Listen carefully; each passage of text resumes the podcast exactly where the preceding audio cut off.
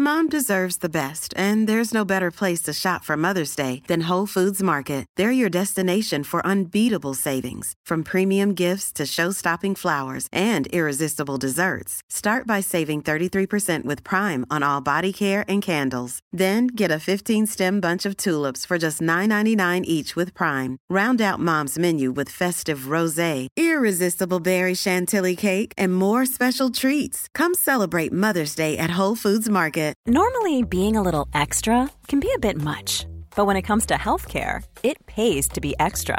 And United Healthcare makes it easy with Health Protector Guard fixed indemnity insurance plans. Underwritten by Golden Rule Insurance Company, they supplement your primary plan, helping you manage out of pocket costs without the usual requirements and restrictions like deductibles and enrollment periods. So when it comes to covering your medical bills, you can feel good about being a little extra. Visit uh1.com to find the Health Protector Guard plan for you. When you make decisions for your company, you look for the no brainers. And if you have a lot of mailing to do, stamps.com is the ultimate no brainer. It streamlines your processes to make your business more efficient, which makes you less busy. Mail checks, invoices, legal documents, and everything you need to keep your business running with stamps.com. Seamlessly connect with every major marketplace and shopping cart. Schedule package pickups and see your cheapest and fastest shipping options from different carriers. With rates up to 89% off USPS and UPS rates. And with the Stamps.com mobile app, you can take care of mailing and shipping wherever you are. Make the same no brainer decision as over 1 million other businesses with Stamps.com. Sign up with Code PROGRAM for a four week trial, plus free postage and a free digital scale. No long term commitments or contracts. That's Stamps.com. Code PROGRAM.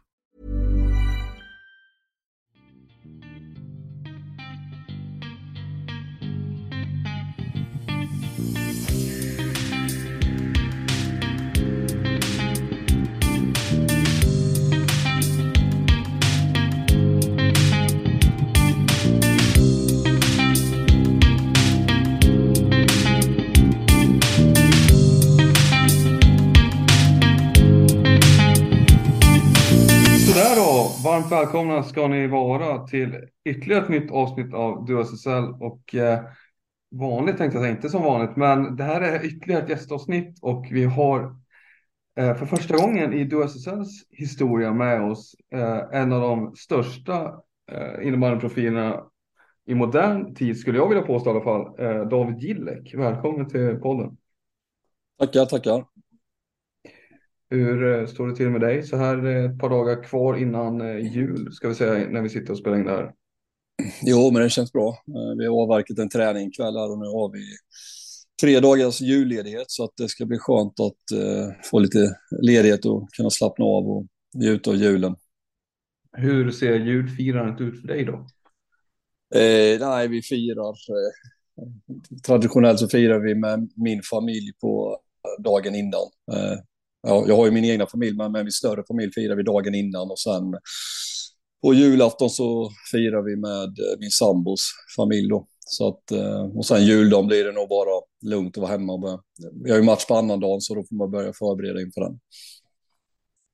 Ja, precis. Vi satt ju och pratade lite om det här innan, att det är ju inte mycket till ledighet under, om tänker jul och nyår här, utan det är, det är matcher hela, hela tiden egentligen.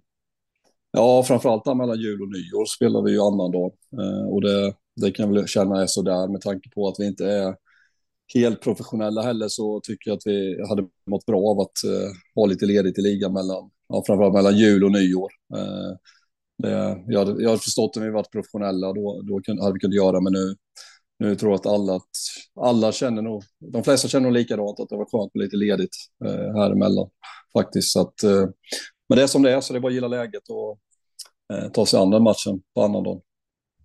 Ja, hur, jag tänker hur som tränare, jag menar, ni har, ni har ju, det är ju ert- ert jobb så att säga att sköta, men nu när du ändå näm, alltså, nämner de här sakerna, eh, som, är det svårare för dig som tränare att liksom sprida just den, pusha spelarna nu när du själv, alltså när du känner att det liksom gärna kanske hade varit utan den matchen? Nej, nej det, det funkar ju inte, utan jag får ju se till så att spelarna älskar att spela den här matchen.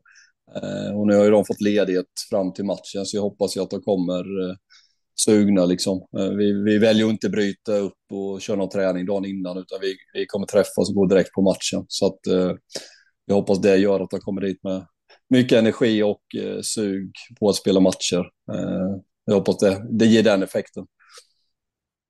Och eh, ska säga det, jag tror inte att det här avsnittet hinner komma ut visserligen innan den matchen, men motståndet annandagen är ju Hagunda. Eh, vad tänker du kring det motståndet? Nej, men det, vi mötte ju dem i premiären nu, så det var ju ett tag sedan. Eh, men det är klart att de, de slåss ju för överlevnad och vi slåss för slutspelsplats. Så att eh, eh det blir en tuff match och vi, förlorade ju borta mot dem förra säsongen så att eh, det, det, kommer bli, alla matcher kommer ju bli tuffa här nu när vi serien vänder i och med att eh, mycket att spela om, alla lag har något att spela om så att eh, eh, men visst, spelar vi på den nivån vi kan göra så ska vi vinna matchen. Men eh, det kommer bli en tuff utmaning. Ska vi gå in rakt på det egentligen, eh, läget i, i laget och hur, hur tänker du kring den hösten som har varit? Eh, för Linköpings del. Ni, sitter inne på den sista slutspelsplatsen, eh, ska vi säga 16 poäng tror jag ni ligger på nu. Eh, men det är ju ett litet getingbo ni har ju ett par lag som cirkulerar runt er bakom. Ja, det, nej men vi är självklart inte nöjda med höstsäsongen. Eh, varken spelmässigt eller poängmässigt. Vi, och det är, inte, det är inte där vi hade förväntat oss att vara när vi gick in i säsongen. Vi hade ju högre tankar och planer på hur vi skulle ligga i den tabellen. Men eh, det som varit kan vi inte påverka heller, utan det gäller bara att jobba framåt och eh, jobba för att vinna fler matcher under våren än vad, än vad vi gjorde under hösten. Så att, eh, och det var skönt, nu vann vi senast mot AIK, så att vi hoppas att vi kan börja vinna flera matcher i sträck här, så att det, så det börjar hända något med, med antalet poäng vi har spelat in också. Har du dragit, eh, funderat, suttit på kammaren och tänkt någonting kring varför det inte har flutit på så bra som ni hade hoppats? Jo, det har man ju självklart. Man, sen lever ju varje match sitt liv. Eh, vissa, en match är det som inte funkar, någon annan match är något annat som inte funkar. Men eh, stora generella är väl att vi släppt till eh, lite enkla mål bakåt genom individuella misstag och sen har vi varit eh, ineffektiva framåt skulle jag säga. Eh, samt att vi kanske inte haft så många matcher där alla tre femmor har eh, spelat på sin bästa nivå, utan det kanske varit för mycket ojämna insatser femmässigt också. Eh, och där, där har vi tränare stort ansvar, så kanske mixat lite mycket formationen i början av säsongen. Eh, så där självklart ligger mycket ansvar på oss också, men det är väl de delarna som varit eh, rent generella på att anledningen till att vi har förlorat för många matcher, helt enkelt. Hur skulle du säga eh, seger mot eh, AIK som du själv nämnde här eh, senast? Ett AIK som du själv har, har en bakgrund i, men det kommer vi in på senare kanske. Men, men hur liksom, stämningen i truppen och de här killarna, jag menar, det här är ju spelare som jag bara antar utan att känna dem. Men det är ju spelare som har rätt höga krav på sig eh, med tanke på ni har ju varit ett etablerat topplag under flera år. Liksom, så att, eh, hur är stämningen i gruppen skulle du säga? Eh, Nej, men det, det, stämningen har varit relativt bra, men sen är det klart att det bygger in, kommer en viss frustration över också. Eh, just av anledningen att vi, eh, vi, vi, är ett bättre lag än vad vi ligger i tabellen, anser vi själva och det anser ju spelarna också. Så det är klart att det har varit en, eh, en bra stämning, men frustrerande skulle jag säga just där att vi förlorar för mycket matcher och vi, ska, vi känner själva att vi, vi kan bättre än vad vi presterar. Så att men det är klart att det, det är väl också det vi känner att eh, är vår styrka, att vi är ett bra lag. Så att eh, det behövs inte ett mirakel för att vi ska vända det här utan det handlar bara om att få lite stäm i våra grejer och lite medstuds i det också. Så tror vi att vi kan eh, börja vinna fler matcher, eh, tror vi. Hur ser du på konkurrensen i serien i år då? Det, vi har utkristalliserat sig en topp trio eller en topp fyra kanske man kan säga i dagsläget. Men Eh, ni, vanligtvis brukar ni vara med där strax bakom och skugga också, men hur ser du liksom på nivån i, i år i serien jämfört med tidigare? Nej, men det har väl varit så att de topp fyra där, de har väl egentligen eh, fortsatt från föregående år. Eh, det är ju fyra av fem bästa i serien förra året. Vi var ju fyra förra säsongen, så vi, vi har väl inte gått li, lika bra som förra säsongens inledning. Men nej, men de fyra känns väl ganska klara i alla fall. Eh, det ska väl mycket till att rubba dem som topp fyra. Sen är det väl Pixbo, Helsingborg, vi, Mullsjö, Dalen, Thorengruppen. Eh, det är väl vi som slåss där om de fyra plats fem till åtta skulle jag vilja säga. Och det är väl lite likt förra säsongen också.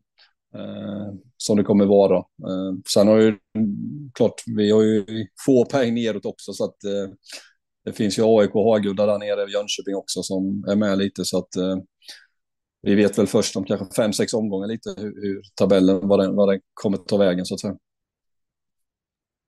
Ja, jag vet inte om du har tänkt på det själv, men det känns som att jag vet inte om, om det stämmer nödvändigtvis, men det, det går att konstatera att nykomlingar den här säsongen har väl tagit fler poäng nu redan än vad de föregående, alltså förra säsongens nykomlingar tog. Ja, jag har nästan glömt vilka som åkte ur eh, förra säsongen. Djurgården men, var det visserligen. Eh, ja, just det. Ja. Eh, och sen ja, var det de...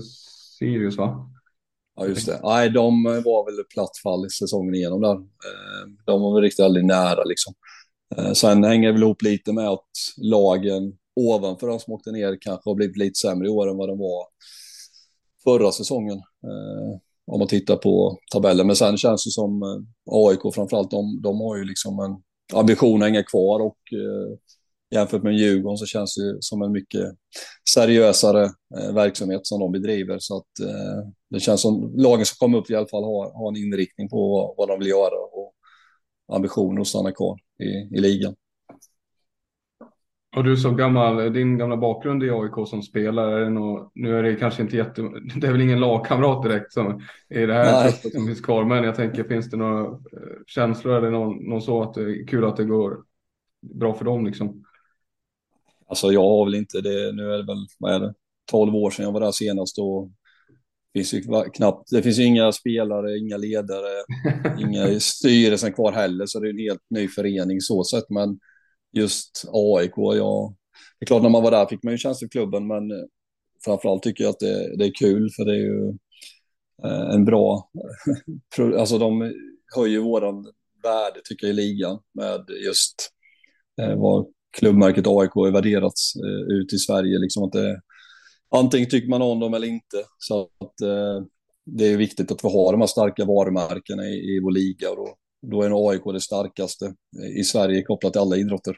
Så att eh, ja, för den delen hoppas jag de verkligen hänger kvar, för det hade varit kul. Eh, för innebandyns skull och för intressets skull också. Jag ska inte prata jättemycket om dem egentligen, men, men en sak jag tänkt på när det gäller just deras spel. Eh, så vet inte, det, det, och det, det jag tycker jag har varit väldigt mycket, det är väl, känns som det är en liten grej i AIK, men det blir väldigt mycket mål, både fram och tillbaka. Ja, jo, det, jag förstår varför de släpper in mycket mål. Vi mötte ju dem senast och vi det var ju matchen, ja den matchen all, av alla vi spelat, vi hade flest antal avslut på mål liksom och de släpper till otroligt mycket målchanser. Eh, men sen har de ju lite spets framåt och det är ju mycket tuta kör framåt. Eh, så att eh, jag är inte förvånad över att det både läcker bakåt och att det görs mål framåt. Eh, men det är klart, ska, ska de hänga kvar så behöver de ju täta till bakåt. Nu verkar det som att de fått in en väldigt bra målvakt här med. Han Eddiborn där tycker jag var bra mot oss och verkar vara, var det bra mot Falun också. Så det är klart att det kan hjälpa dem till att släppa in färre mål också. Ja, nu släpper de ju bara, får se nu, vad det blev mot er där, men det var inga, det var inte. Nej, sju, sju mål. Ja. Sju mål och åtta ja. mot Falun. Det är ju inte jämfört med vad det. Nej, det är nog bra. Ja. så att, eh, nej, men jag, jag, de bör nog kunna hänga kvar. Om jag tänker på de andra lagen de slåss med så bör de nog kunna göra det. Ja, hur, hur tänker du kring eh, Jönköping? Där är väl ett av lagen du syftar på gissar jag. Hur mm. tänker du kring dem? Vill du helst ha kvar dem eller slipper du gärna dem? Eh, jag har gärna kvar dem för resornas skull, men annars så ser jag inget behov av att de ska vara kvar. Eh, absolut inte. Men, eh, nej, men de, de har väl också tappat spelare för varje säsong. Sen har de fått två tuffa skador tror jag på två nyckelspelare. Eh, men eh, ja, men jag, jag tror ganska övertygad att de kommer hänga kvar. Eh, det är eh, Men sen kanske de inte har något med slutspelet att göra, men hänga kvar, det, det bör de nog kunna lösa också. Jag tänker vi ska lite nyfiken, du nämnde ju det här när vi pratade också innan så här, men du är inte bara tränare för Linköpings SSL-lag. Du har ju även andra arbetsuppgifter vid sidan av. Eh, och till råga på det så bor du fortfarande kvar i, du bor i Mullsjö. Ja, det stämmer. Berätta, vad, vad gör du med vid sidan av eh, tränarjobbet? Nej, men jag jobbar ju som, eller jag är verksamhetsledare på Västergötlands innebandyförbund. Eh, så att eh, det är det arbetet jag har då. Eh, det är mitt riktiga jobb eh, vid sidan av innebandyn. Så att eh, jag kombinerar det. Eh, och där sitter jag i Mullsjö och jobbar och sen blir det att pendla till Linköping då. Vid varje träning och match. Så att eh, det blir egentligen jobb ja, i stort sett dygnet runt kan man säga. Eh, så man får vara glad att man har familjen kvar ibland. Ja, kan du nämna lite kort, hur ser familjen ut i dagsläget som du har? Eh, ja, jag har en sambo, eh, snart blivande fru och två barn på tio och fem år samt en, en liten hund sedan ett år tillbaka. Så att det är en väldigt en förstående sambo och eh, säga, två barn som kanske inte alltid är så nöjda eller att man är borta. Men eh, ja, jag försöker ta igen den tiden på sommaren kan man säga. Eh, när det inte är så mycket innebandy. Ja, jag förstår att det, det, är inte det lättaste även utan familj tänker jag och liksom balansera saker. Men jag förstår att det, det är ett pussel. Ja, så är det framförallt när barnen har sina egna aktiviteter. Då är det ju, och jag är även med som tränare i Dottens innebandlag och fotbollslag också. Så att eh, det gäller att ha koll på veckoschemat kan man säga. Ja, det låter ju sjukt. Eh, ibland undrar jag hur folk hinner med. Men, eh... Ja, det gäller väl att eh, ja, man sover inte så många timmar. Eh, Nej, det är det, det, är det som gör det. Nej, jag, jag sover typ aldrig. Men eh, det får jag göra när jag har tid i fram, någon gång i framtiden. Men då har du en arbetssituation som gör att du, det är 100% innebandy, ja det är väl mer än 100% men det är, du jobbar ju med innebandy liksom heltid dygnet runt. Lite ja. en dröm eller? Ja, men det är det väl. Eh, min dröm var ju i alla fall att jobba med idrott. Eh, sen blev det innebandy som jag älskar, så att, eh, nej, men det är jättekul. Och dels jobba på elitnivå genom Linköping och sen jobba mer på, på bredden med våra, våra distrikt. Där det mer rör sig om lägre seniorserier och ungdomsserier och eh, den verksamheten. Så det, ja, men det är kul att kombinera båda de delarna. Det tycker jag absolut. Kan, kan du kortfattat eller liksom beskriva lite mer i, vad är det du gör liksom på dagarna på förbundet? Där? Vad är det det går ut på? Nej, men ja, det, dels har jag ansvar för hela verksamheten för vi är fyra anställda. Eh, så att jag är ju, är ju se till att de sköter sina arbetsuppgifter och sen eh, Sen handlar det om att vi följer budget och eh, sen även har jag hand om tävling. Så att det är allt från att se till att serier flyter på. Sen ta hand om, sköta dispenser, matchflyttningar och ja, mycket administrativt arbete med tävling. Och sen handlar det mycket om att driva utvecklingsprojekt som vi driver då i, i förbundet. Så att det är egentligen allt möjligt kan man säga, men huvudfokus är väl att se till att hela verksamheten löper på som det ska, ska och jobba med utveckling av verksamheten samt då mycket tävlingsfrågor. Hur kom det sig att du landade där, den tjänsten? Eh, nej, men det var, ja, jag har varit där sex år nu. Eh, jag började som projektanställd där jag skulle jobba med föreningsutveckling. Eh, och sen eh, tack med det så blev det nya arbetsuppgifter och sen gick mina två kollegor i pension här i våras eh, och då blev det rätt naturligt att jag tog över som verksamhetsledare och sen plockade vi in två, två, tre nyanställda då efter det. Så att eh nej, men jag sökte en tjänst och fick den så att på den vägen är det och sen har, har jag blivit kvar där och jag trivs jättebra med jobbet så att eh, och med tanke på att man inte kan vara eh, vad säger, heltidstränare riktigt så vill man ju ha ett jobb man trivs med och som man kan jobba med. Eh, för man vet ju aldrig hur länge man blir kvar som tränare heller. Man kan ju, skulle kunna i teorin få sparken imorgon och det gäller ju att ha något jobb att falla tillbaka på. Ja, hur är det att leva med den osäkerheten egentligen? Nej, men jag tänker väl inte på det så sätt, utan jag jobbar på dag för dag. Men eh, det är väl det som gör att man ändå vill ha ett jobb. Man, man vill ändå inte det är inte så att man kan få ett nytt tränaruppdrag och tjäna massa pengar på det eh, dagen efter man får sparken, om man skulle få det. Så att, eh, eh, det hade ju varit en dröm om vi, likt andra sporter, kunde vara heltidsanställda tränare. Men eh, en del är väl det, men då är det ju ofta kombinerat med jobba på gymnasium eller jobba med andra saker i föreningen. Så att då känns det ganska skönt att ha ett annat jobb också vid sidan av. Måste ställa den frågan som du har erfarenhet av båda i, mm. ganska mycket närtid. Tjänar du mer som tränare i Linköping än vad du gjorde under din spelarkarriär? Eh, ja, men det gör jag faktiskt. Jag, jag, var, jag var underbetald som spelare kan man säga. Om man jämför med vad de tjänar idag, spelarna, så var jag jävligt underbetald. Och varför var du det? För jag menar, eh, det känns ju som en det... spelare som, eller en kille. Eh, menar jag, som... Ja, men jag var väl en av de bättre betalda i Mullsjö, men jag tror att dels har nog lönerna höjts och sen eh, jag vet inte, jag, jag kanske, kanske inte hade så bra koll på vad spelare tjänade så att jag var nöjd med det, mig med det jag fick då liksom. Eh, men tittar jag idag på vad spelare eh, får så tycker jag jag skulle förtjänat mer pengar. Är det Jesper Axel som var i farten framförallt eller är det någon annan sportchef du tänker på det? Nej, han var ju sportchef då, men han var ju smart. Han fick en bra spelare till ett, till ett, till ett bra pris. Så att eh, han, han är nog nöjd. Ja. Eh, hur, nu har jag lite dålig koll. Jag vet att eh, du är inte kvar i Mullsjö längre och sådär, men eh, du har ju pratat om eh, relationen dit tror jag i andra sammanhang. Mm. Men, men hur, hur, hur, bra koll har du? Jag tänker som att du bor där och sådär. Hur bra koll har du på, på det laget nu? Nej, alltså inte mer än eh, hur jag följer andra lag i serien faktiskt. Eh, så det är klart att jag känner några av spelarna som jag har spelat med många år. Men jag har ingen kontakt. Eh, ja, Jonathan Larsson och Sebastian Palmqvist är väl de jag hörs eh, med eh, i, i andra forum. Men annars följer jag inte dem mer än vad jag följer de andra lagen i ligan. Gör jag inte.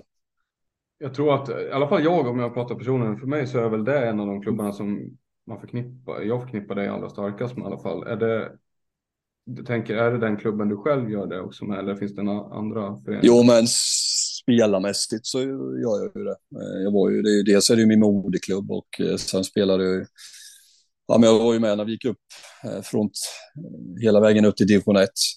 Sen lämnade jag och sen kom jag tillbaka och gjorde väl sju eller åtta säsonger i, i SSL. Så att det är klart att det är där, jag har spelat flest säsonger i högsta ligan. Så att det är klart att jag förstår att jag är förknippad med den klubben som spelare och det, det gör jag väl själv också som spelare. Så att, det var, var en jävligt rolig tid där när jag spelade. Liksom. Sen, sen som tränare så har jag varit längre i Linköping än vad jag var i Mullsjö. Då. Men eh, jag förstår ju att eh, folk förknippar mig med Mullsjö.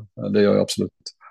Får du höra saker mycket från eh, supportrar eller om du är på, ute på stan? Nej, men jag faktiskt, ja men det är rätt, ja, men det är rätt rolig jargong liksom att man de pikar väl mig när Lidköping förlorar, liksom, men det är ändå med, med respekt skulle jag säga. Jag träffar ju på några av de värsta som står där i klacken eh, ibland på ICA liksom, och det, det, det, ja, men det var trevligt. De, eh, och de, eh, jag känner ändå att de tycker, de önskar att det går bra för mig liksom, så att eh, det är mer positiva kommentarer så där än negativa, skulle jag säga.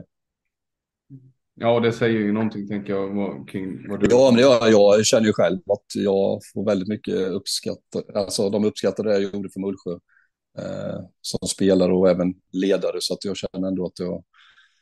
Ja, men jag, nej, jag känner inga eh, konstigheter med det, utan det, det känns bara glatt när, vi, när man träffar på folk som har koppling dit. Gött. Är det, skulle det något uppdrag, nu vet jag att du är i Linköping, så att, eh, mm. men, men jag tänker, är det fortfarande så att du är en förening du skulle kunna tänka att komma tillbaka till i en ledarroll? Mullsjö alltså? Eh, ja, nej, jag har inte tänkt, alltså grejen är jag, just nu eh, fokuserar jag bara på Linköping eh, så länge jag är där. Sen tänker jag inte så mycket mer på, jag tar en säsong i taget så att jag, det är inget jag tänker på liksom eh, faktiskt hur, om jag skulle kunna se mig där någon gång i framtiden då det beror nog på hur saker och ting skulle se ut i den klubben. Eh, om det skulle bli aktuellt någon dag, men som det är nu så trivs jag jättebra i Linköping och det är där jag lägger all min tankeverksamhet eh, hela tiden. Så att tänker inte de banorna alls faktiskt, om jag ska vara ärlig. Okay. Det har aldrig varit aktuellt för dig med tanke på just att du tränar i Linköping och sådär, att en flytt Tänker slippa penning och sådär. Nej, alltså hade, hade vi inte haft barn så hade vi nog kunnat flytta. Eh, det tror jag absolut. Eh, men med tanke på att barnen går i förskola, skola och allting här på plats så skulle det kännas, då skulle jag nog vara en av tidernas sämsta pappa om jag skulle dra upp dem för, för att jag själv skulle eh, bo i Linköping eller familjen. Så att eh, det, det, är ändå ett okej okay pendlingsavstånd tycker jag, eh, som det är idag. Så att eh, vi, vi är ganska rotade här så att det, det blir nog ingen flytt någon annanstans. Eh, som det är just nu i alla fall. Nej. Vad ska man, om vi pratar lite mer Linköping då, vi har ju ja. pratat lite om hösten och sådär. Eh, men vad, jag tänker, ni har ju varit ett lag som har gjort det bra, eh, om man blickar tillbaka även innan din tid, så ett lag, en mm. klubb som etablerade sig i SSL och blev ett stabilt slutförslag som även har varit framme eh, ganska mycket närtid i SM-finaler och så vidare. Eh, vad, vad, är det för förväntningar man ska ha på Linköping eh, när det är David Gillek som styr skutan? Eh, nej, men framförallt vill, eh, vill vi stå för att vara ett svårslaget lag. Eh, många pratar om den här tunga, jobbiga Linköping eh, och det, det vill vi fortsatt stå för. Eh, sen kanske många förknippar tunga med att vi har en del stora spelare, men för oss handlar det om att vara tunga i, eh, genom att spela en jobbig innebandy eh, Eh, som är svår att det är svårt att göra mål på, och det är svårast att eh, eh, mot att släppa, alltså att vi är tunga framåt liksom. Eh, så det är väl mer det att vara jobbiga att möta och jobbiga att slå liksom. Det ska vara, eh, ska man slå Linköping så ska det liksom, då ska det krävas bra insatser. Eh, och det är väl det som har varit eh, lite dilemmat under hösten, att vi inte levt upp till det vi vill stå för eh, riktigt, skulle jag vilja säga. Eh, för jag tycker att det vi stod förra året var just det att vi hade en väldigt hög lägstanivå. Att även om vi var sämre matcher så höll vi oss kvar och det blev jämna matcher och ibland vann vi, ibland förlorade vi. Men då tyckte jag att vi levde upp till det att vara jobbiga att möta och eh, svåra att slå. Så att, eh, det är väl det vi vill stå för. Eh, och den, det laget jag vill vara tränad för kan man säga kort så. Finns det någon spelare som du skulle vilja lyfta fram? Det hände ju några saker i spelartruppen inför den här säsongen. Mm. Eh, Kevin Söderling kom ju in äh, över en av mer profilerade spelarna får man ju säga. Sen under säsongen här har Gustav Jansson kommit in i kassen. Mm. Uh, unga, ung kille som David, nej det... ja man kan tro att det är David, men det är faktiskt David. är det David alltså? Ja det är David. Och, och efternamnet då? Carrington. Ja, det är Carrington. Okay. Ja, det är Carrington. Ja, Robert Carrington kommer in här. Ja. Eh, begränsad speltid och sådär. Men, men eh, det här, kan du berätta lite om de här nya killarna som har kommit in i laget? Är det någon där som ja. du vill lyfta fram?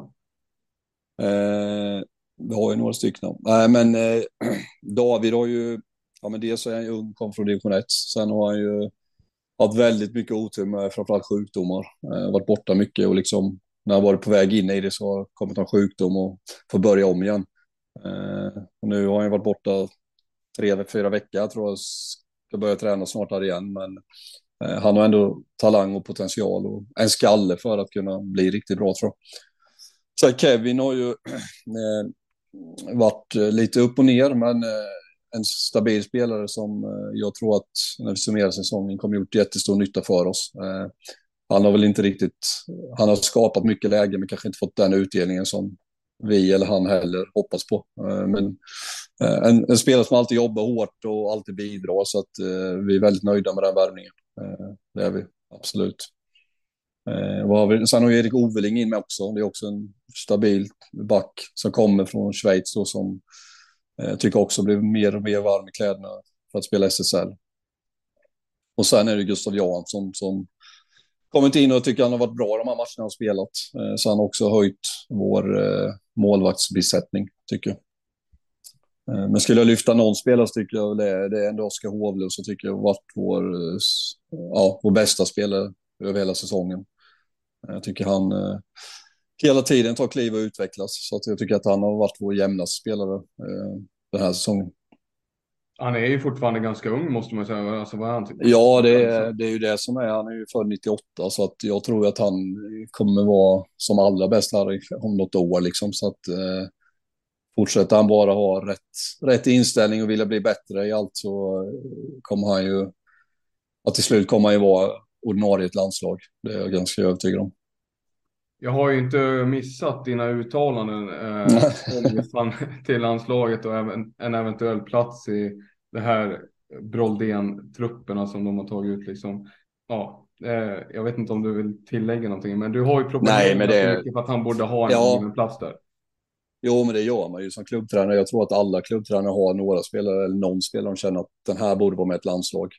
Eh, och ställer någon den frågan till mig, då är det klart att jag säger vad jag tycker i frågan. Sen har jag all respekt för att Nordén och Brottman väljer andra spelare. De väljer ju, de ser ju på sitt sätt och jag ser på mitt sätt. Så att, och med tanke på att de har vunnit två VM-guld så kan man ju inte säga att de har gjort fel heller. Så att eh, det, det, det, är inget mer konstigt med det, eh, tycker jag heller. Så att eh, man, alla tyck, man tycker olika vilka spelare som behöver vara med, men det är de som tar ut sitt lag och då tar de ut de spelarna de vill ha med eh, och tror på. Så, så, så, är, så, så är saker bara. Mm. Ja, det finns ytterligare en spelare som har varit med och, fått känna på landslaget tidigare, men som har fallit ur den diskussionen och knappt nämnts eller tänker man har ju ställt frågor om kanske Oskar Hovlund. Så, men Simon mm. Palmén ser man inte så mycket diskussion om. Nej, nej, det har inte och han är också en väldigt, eh, han är också viktig för oss liksom en, det är väl vår spelsmartaste spelare eller med bäst spelförståelse i laget. Och han är ju otroligt viktig för oss. Eh, men det är väl lite samma där att de har gått på andra spår, eh, Brottman och Nordén. Eh, men han har väl varit med ibland, tror jag. Han var med under Hills tid en del också. Så att, men ja, det är som det är, men för oss är han jätteviktig. Mm. Finns det några andra killar? Jag tänker, har, ni har ju ytterligare några ännu yngre backar som mm. kom in och etablerat sig. Finns det någon där eller någon annan spelare som du tycker borde vara med och aspirera på en plats? Nej, men jag tror ju, vi har ju Filip Samuelsson och Emil Lögdberg som är födda 00 och 01. Det är ju också två som skulle kunna vara med och konkurrera om landslagsplats här i, i framtiden. Eh, där Lögdberg framförallt tagit stora kliv i år, har fått ännu större roll och mer speltid och jag tycker att han också blir bättre och bättre. Eh, sen Oskar Sett är ju också, han är ju bara 24 år, så där finns också potential att kunna bli aktuell för ett landslag i framtiden. Eh, när vi pratar just landslaget och Linköping, det är svårt att inte mm. nämna på att göra det nu, eller på att glömma det nu, men eh, fruktansvärt roligt att se Martin Karlsson i landslagstrupp. Ja, absolut. Det var, det, det var ett tag sedan. Ja, han har ju varit med lite, han har ju blivit inkallad som reserv ett par gånger. Mm. Eh, och han ställer ju alltid upp för landslaget, så att eh, också en jättebra spelare för oss som, eh, eh ja, det har väl berott på samma där, att han har konkurrerat som sista platsen men att de har gått på andra spelare. Eh, så det är klart att det tycker jag är tråkigt för både Linköping och, och Martin skulle han, han skulle förtjäna en, ett VM, uppleva ett VM, tycker jag. Men eh, vi hoppas väl att han kör på här flera år framåt så att kanske dyker upp någon chans eh, längre. Ett VM, kommande VM.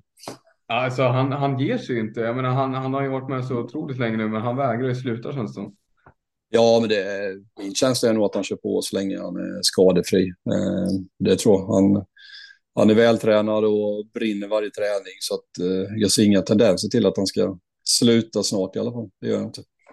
Ja, det är imponerande.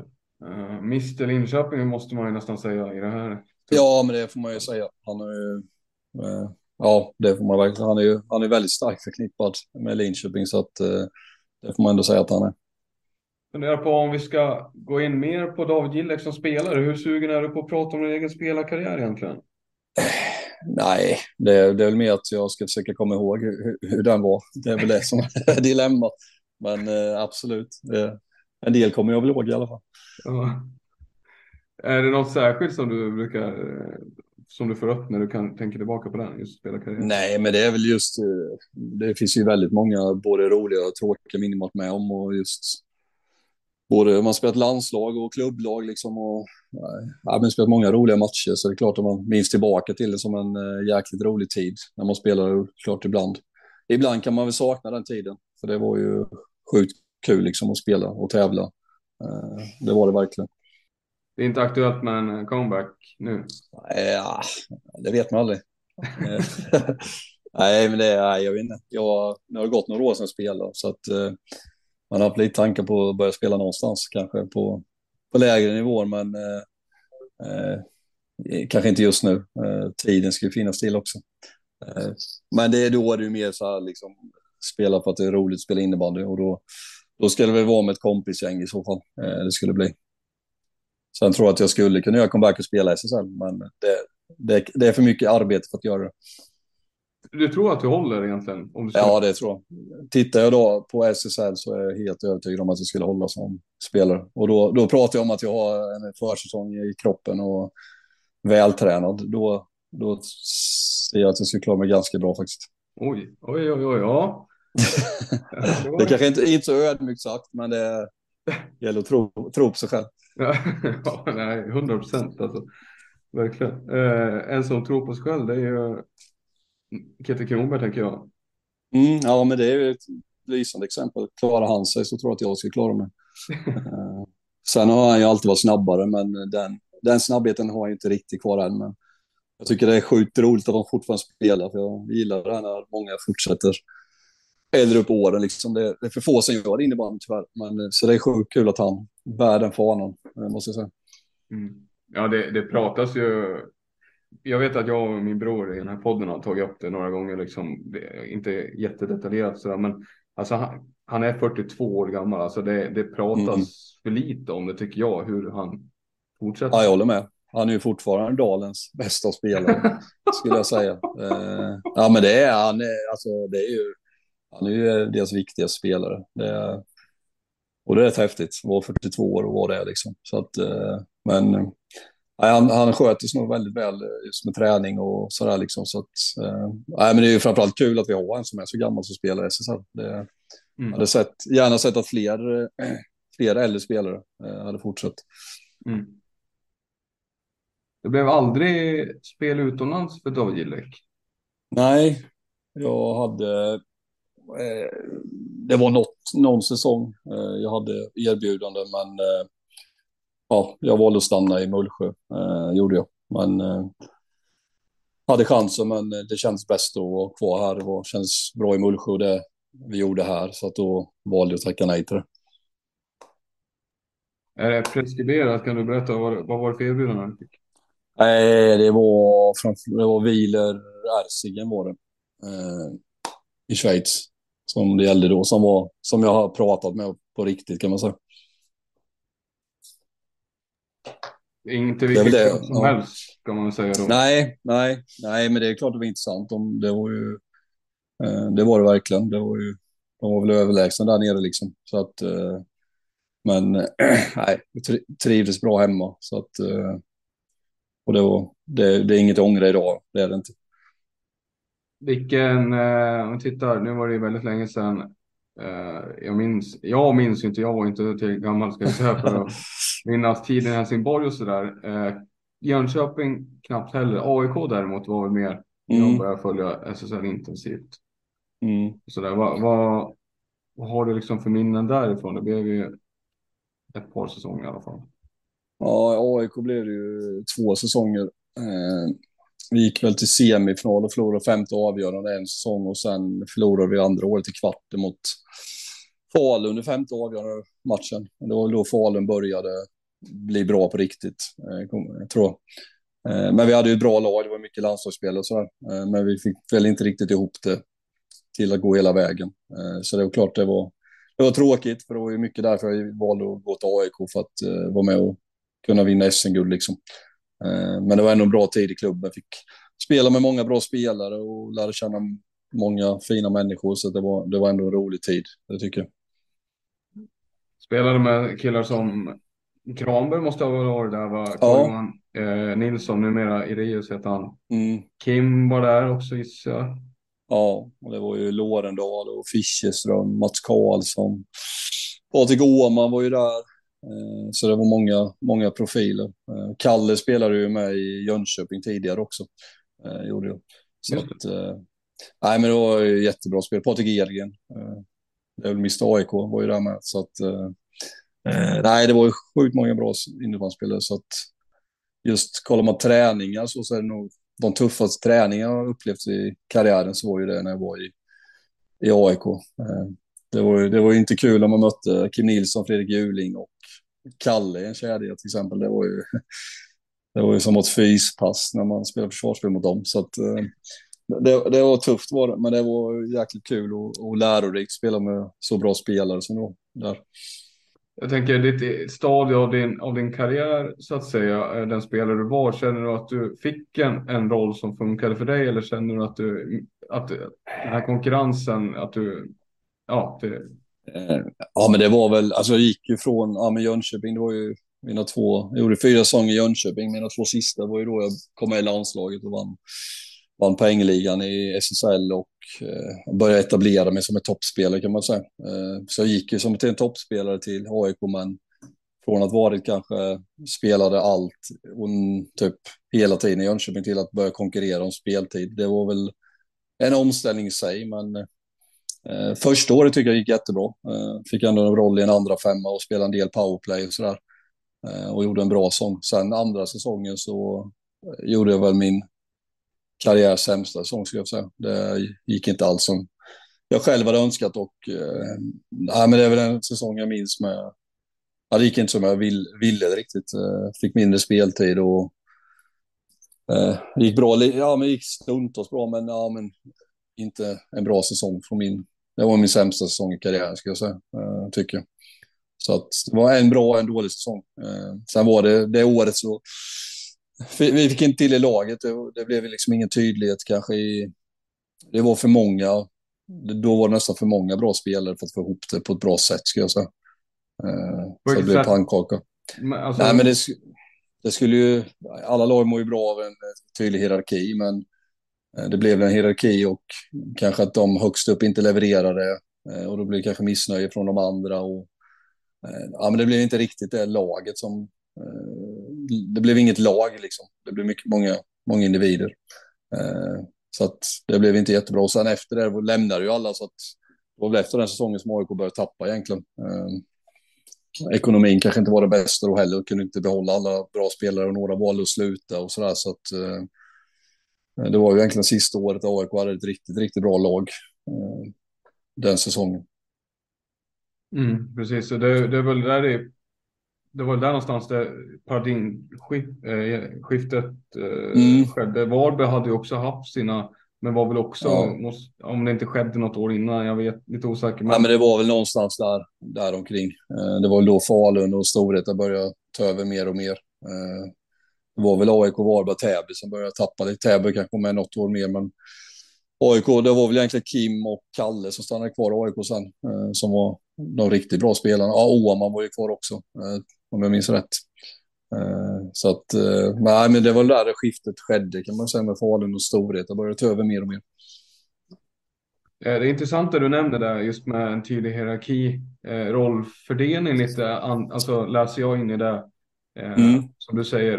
och det är väl någonting, när dina år i Mullsjö kändes ju mer som att det var ett, ett tydligt lagbygge någonstans att ni hade formationer, spelare. Man visste att de här ska leverera. Sen har ni an andra spelare som står för någonting annat kanske. Ja, men jag tycker vi fick till det bra. Det var ju... Ja, men det var tydlig hierarki. Liksom. Vi hade en tredje med grovjobbare, men som ändå kunde göra poäng. Så här. Men det känns som alla, alla köpte sina roller på ett bra sätt, eh, Eh, tycker jag. Eh, och det, det är en viktig del i att få ett lag att fungera. Oavsett roll du har, att du gillar din roll. Eh, sen är det ju alltid en konkurrens femmor emellan och spelare emellan. Men det är ändå viktigt att alla har förståelse och respekt för att det här, det här är din roll och det här är din det är lagkamrats roll. Liksom. För annars är det svårt att få ett lag att fungera om man inte accepterar sin roll eller andras roller heller för en del. Om vi säsongen efter AIK där som du pratade om, du, det blev ju den sista för dig och sen så gick mm. det där 2011 tillbaka till, till Mullsjö. Eh, var det självklart givet att det skulle vara så då? Jo, det var det väl. Eh, jag kände väl att AIK, det var... Flexibility is great. That's why there's yoga. Flexibility for your insurance coverage is great too. That's why there's United Healthcare Insurance Plans. Underwritten by Golden Rule Insurance Company, United Healthcare Insurance Plans offer flexible, budget friendly coverage for medical, vision, dental, and more. One of these plans may be right for you if you're, say, between jobs, coming off your parents' plan, turning a side hustle into a full hustle, or even missed open enrollment. Want more flexibility? Find out more about United Healthcare Insurance Plans at uh1.com.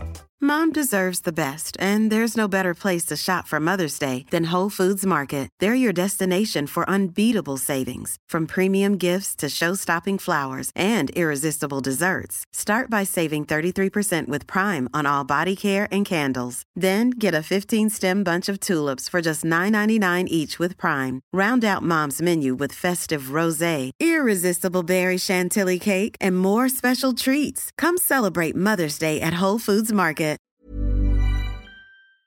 Ja, men jag kände att jag vill göra, ja, få en större roll och bli den här ledande spelaren igen. Och då kändes Mullsjö perfekt i och med att flytta hem igen och sådär liksom. Eh, och kände att Mullsjö hade något på gång.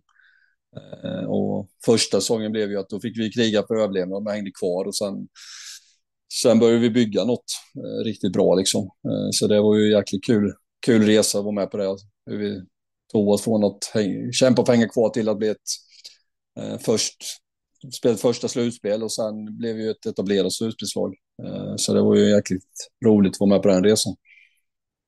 Var du, han du var med, jag tänker du, du spelade i Mullsjö fram till 2018 där tror jag. Mm. Eh, han, var det den säsongen, för, jag menar ni var ju framme i någon semifinal där. Ja, det har varit några semi mot både Falun, ja Växjö har vi mött. Vi förlorade ju mot Växjö en semi Eh, Eh, det är väl då vi borde kunna gjort det bättre tycker jag och hotat om finalplats. Sen var det ju Storvreta förlorade med 4-2 i matchen om jag inte minns fel. Det var nog det året vi slog ut Pixbo i kvartsfinalen, ganska enkelt. Eh, så, men ja, Storvreta, där var vi inte riktigt... Vi hotade dem i början av serien, men sen blev de för starka för oss. Eh, så att det har väl aldrig varit riktigt... Det har aldrig varit en sjunde avgörande i semi. Sen har väl dilemmat varit lite att vi har gått till många match, sju matchserier i kvarten och tömt oss rejält där och kanske inte kunnat ladda om som, vi, som man behöver inför semifinal eh, på det sättet. Nej, jag tänker, nu finns det ju en anledning till det, men, men lag, eh, pratar man Falun så är det ju väldigt sällan man ser dem ha gått sju matcher i en kvart. Nej.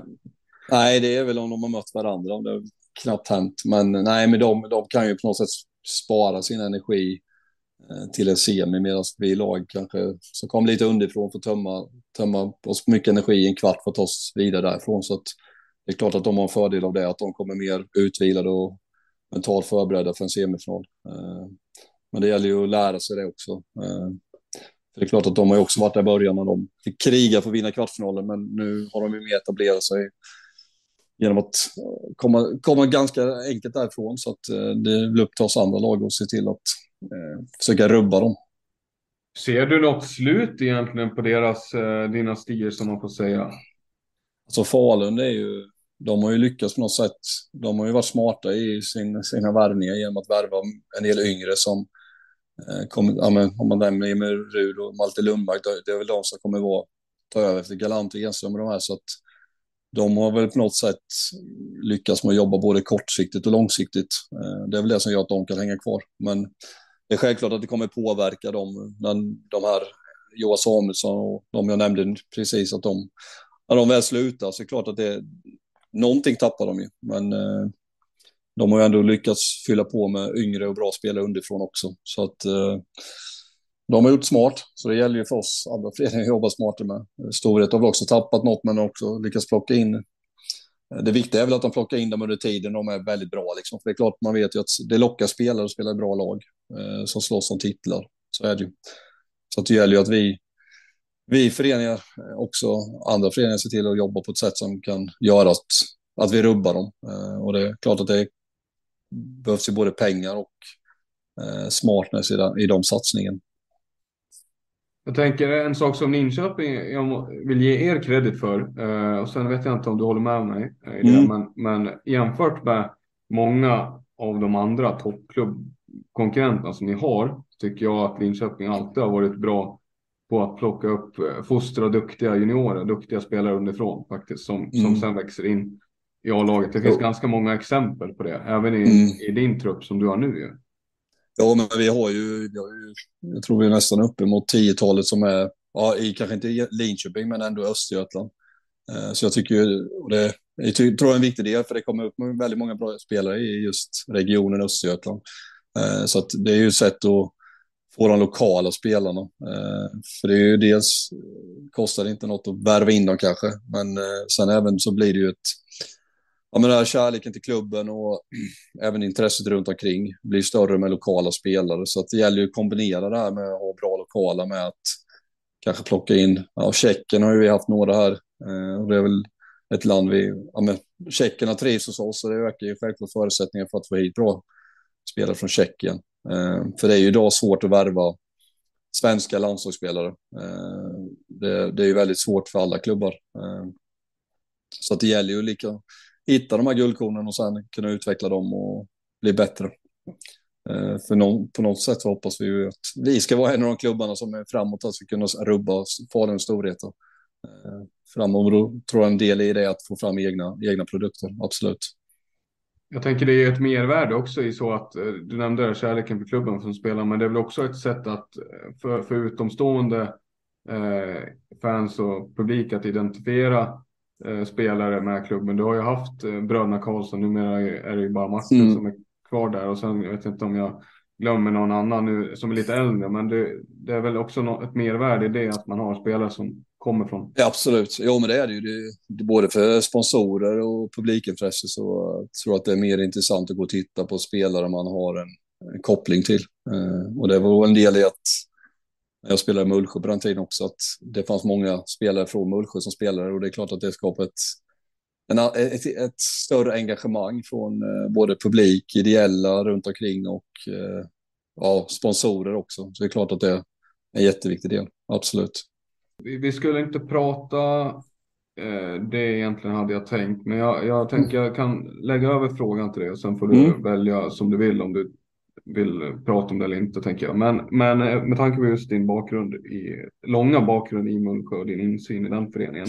De har ju varit tillsammans med Linköping får man ju säga ett av de här som jag har sett de tydligaste utmanarna och pushat semifinal och för, verkligen försökt göra det du har sagt, sitter och säger nu om att man ska eh, ta steget förbi Storvreta Falun.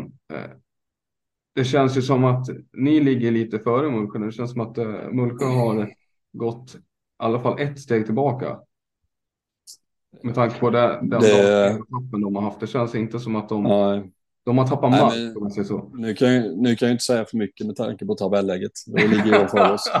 Eh, så att jag ska väl inte säga så mycket. Men, men vi klart, vi har ju fått behålla vår trupp på förra säsongen medan de har tappat en del spelare. Så kan vi säga. Men sen eh, har de ju gjort det bättre hittills än vad vi har gjort. Så att eh, det får väl säsongen summera sen. Sen kanske på lång sikt, om man tittar många år framåt, så borde det är klart att Linköping har en fördel genom att det är en stor stad och eh, en jättestor förening. Så det är klart att de kommer ju alltid få upp eh, ungdomar. Medan Mullsjö är en jätte, jätteliten eh, förening som inte har... Jag är själv med i ungdomsverksamheten där, så jag ser ju själv att det är inte jättestor, mycket ungdomar i föreningen. Det finns lag självklart, men en sån stor klubb som vi kommer alltid kunna fostra egna, egna spelare. Så det är klart att det, det är en fördel för dem. Eh, så är det absolut. Om man tittar långsiktigt då. Ja, nej, men du har helt, du har helt rätt i det mm. du säger det. Eh, jag måste säga att jag är väldigt i, lite imponerad såklart av just det faktumet, eh, tabelläget som de har tagit sig till. Eh, mm. jag, jag, jag måste erkänna att jag trodde verkligen inte på Nej. på den här säsongen. Det såg mörkt, tufft ut för dem, men eh, de har ju gjort det väldigt bra måste jag säga med tanke på den. Ja, men de har ju ändå, de har ju lite erfarna spelare som varit med liksom som, eh, ja, de har ju varit bra. Eh, Palmqvist och Larsson i mål och Terenius och de här, de har ju levererat det de ska liksom och det är väl Sen har ju de vunnit de här matcherna som vi har förlorat mot, mot lag man bör slå till exempel. Det, det har ju de gjort bra och det, det brukar ju var lite nyckeln till att eh, ta mycket poäng. Det är att göra ren, gå rent mot lagen som man ska under sig. Just det. Ja.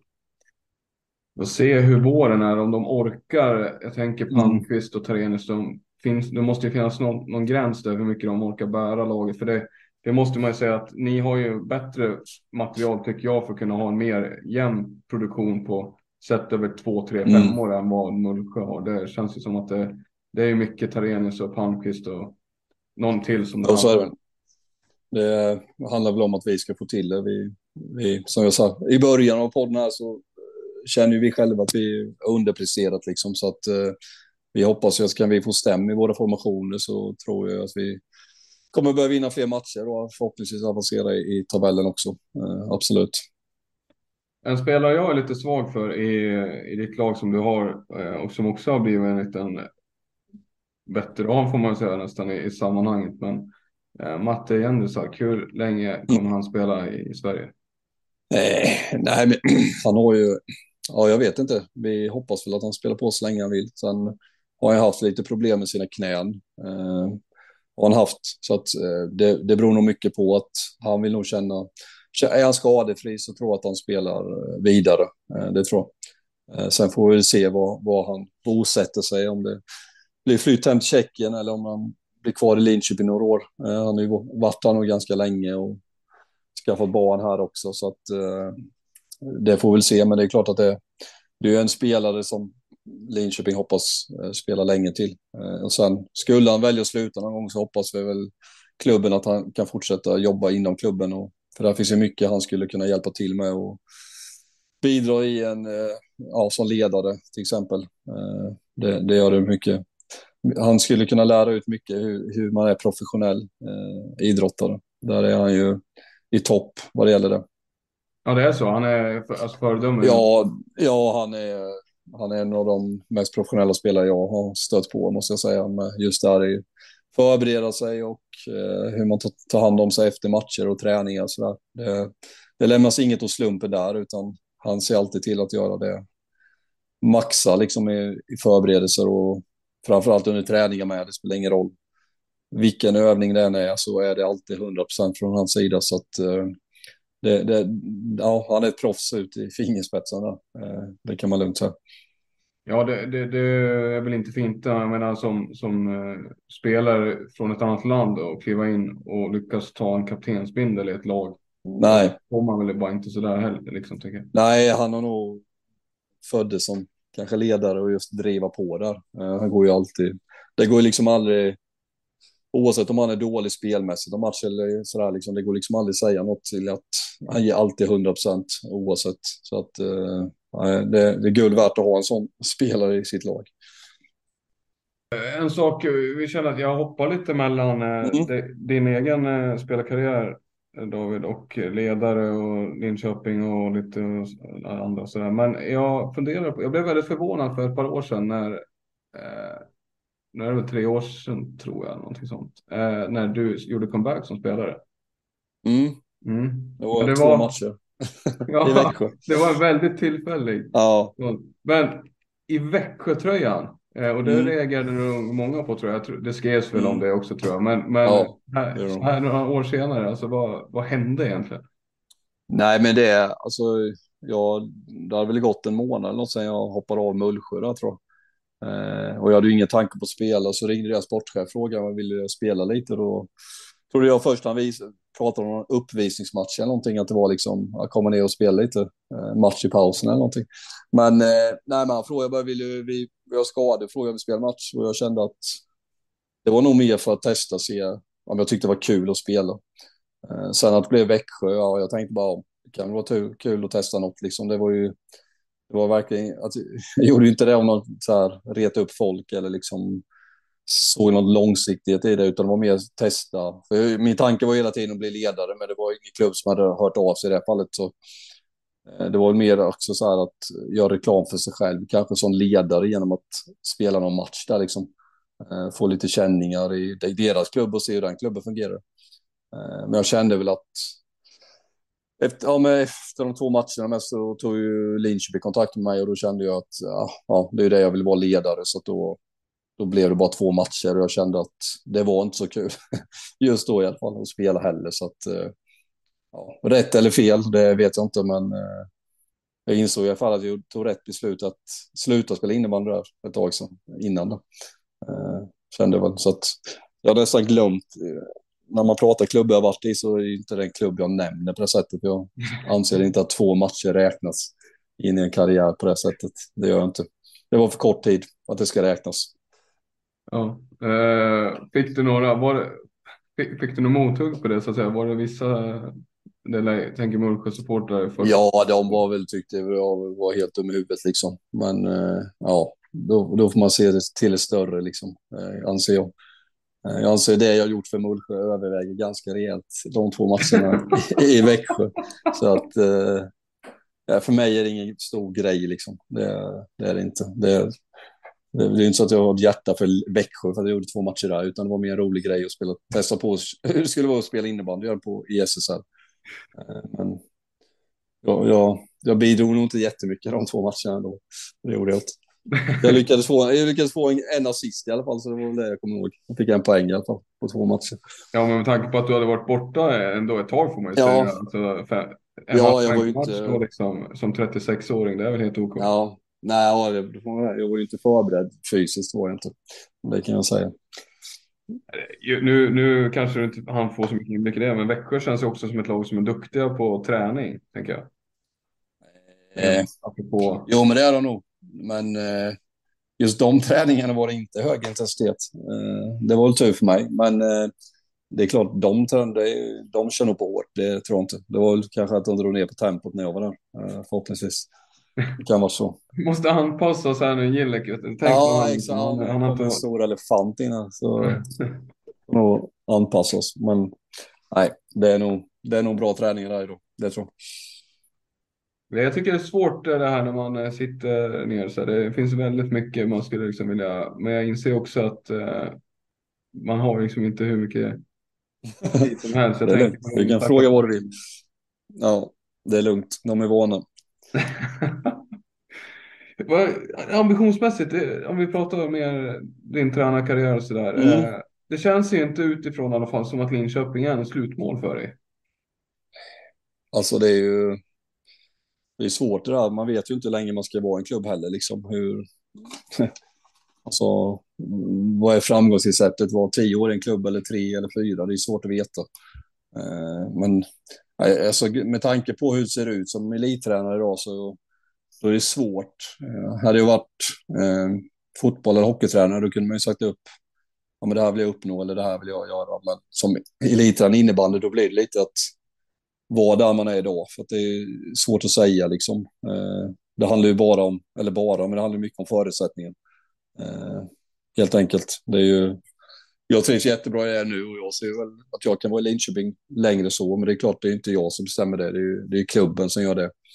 Eh, så att det är svårt att säga liksom vad, vad, har, vad har du för mål? Nej, det, mitt mål är att vinna varje match eh, där jag är för stunden. Det är väl det som är mitt mål. Och, eh, tittar långsiktigt så ser jag ju långsiktigt med Linköping. Eh, vad som sker efter Linköping, det är svårt att, svårt att säga om eh, faktiskt. Eh, med tanke på att vi inte, vi inte har ett, ett tränarjobb där man tjänar pengar eh, som är jättebra heller, utan eh, det är liksom inte bara att hoppa på nästa uppdrag heller. Så, att, eh, så det är svårt att svara på det faktiskt. Eh, även om det hade varit kul att kunna svara på det. Men Eh, eh det är, det är svårt att säga just nu faktiskt. Vi får väl se vad som händer framöver. Mm. Jag förstår det. Vad heter det? Det skrevs ju någon text här häromdagen som jag väldigt, väldigt mycket skummade bara. Uh, men mm. kontraktet förbundskaptenerna Brottman och Nordén, uh, de sitter ju inte där för evigt tänker jag. Det, säger du nej om frågan kommer? Nej, det skulle, alltså, jag tror aldrig jag kommer bli aktuell. Men det hade jag väl inte. Det är klart man funderar på det. Landslaget är bland det finaste man kan bli erbjuden. Så det är klart att man hade funderat. Absolut, det hade varit hedersamt att få fråga liksom. Självklart. Eh, det hade det absolut varit. Men eh, det finns nog lång, många namn i, i, i, listan före mig. Tror du det? Nej, jag tycker inte det, men det gör nog det. Så kan jag säga. Är det, är det här bara något du sitter och får en känsla för eller har du liksom fått ja, men det är nog, ja, men det är nog min känsla att det är så. Jag, jag anser nog att jag är bättre själv än vad många utifrån anser. Mm. Men jag, jag tvekar inte av att tveka. Hade jag fått välja en stab så hade jag självklart starkt tro på att jag skulle klara det. Liksom. Det tror jag. Men eh, vad jag tycker har ju inget. Det är ju ingen som bryr sig om det. Det är, inte, det är de som bestämmer vem som ska vara där. Men eh, jag anser själv att jag skulle klara av det, absolut. Men eh, som sagt så tror jag inte jag är jättehögaktuell för att ta över efter Brottman och Nordén. Och med tanke på hur det gått för dem så borde de väl eh, vilja ha en förlängning med dem också, antar jag. Ja, alltså det, ja, det, det måste man väl, alltså Ja. ja, men de har ju gått rent liksom. Det är ju, de har ju verkligen gått, ja, deras, det är ju det det handlar om. Sverige handlar ju om att vinna och det gör de ju. Så att eh, det vore väl konstigt om de inte ville förlänga med dem. Den här nya, det nya spelsättet de har implementerat i landslaget och, och den nya innebandyn de står för jämfört med tidigare förbundskaptener. Har du någon tanke kring, kring det spelsättet de kör där? Ja, det ser jag inte riktigt om jag ska vara ärlig. Eh, det, nej, jag ser inte... Det jag tycker de fått in är ju det här att vinna, vinna matcher, en vinnarmentalitet. Det är väl det jag ser, att de vinner matcher oavsett hur de spelar. Eh, jag tycker inte de... Försvarsmässigt så spelar ju liksom inte de en ny, eh, ny innebandy på det sättet, utan det är ganska, ganska vanlig innebandy skulle jag säga. Eh, sen att de har olika namn på sina positioner i försvarsspelet, att det heter, eh, vad heter det, Libro och eh, ja, de kallar det ju inte backa center forwards, men Nej, spel... halva eller mitt eller vad Ja, men de spelar ju liksom ingen... Det... Bara för man har benämningar på namn så innebär ju inte det att man spelar ett helt...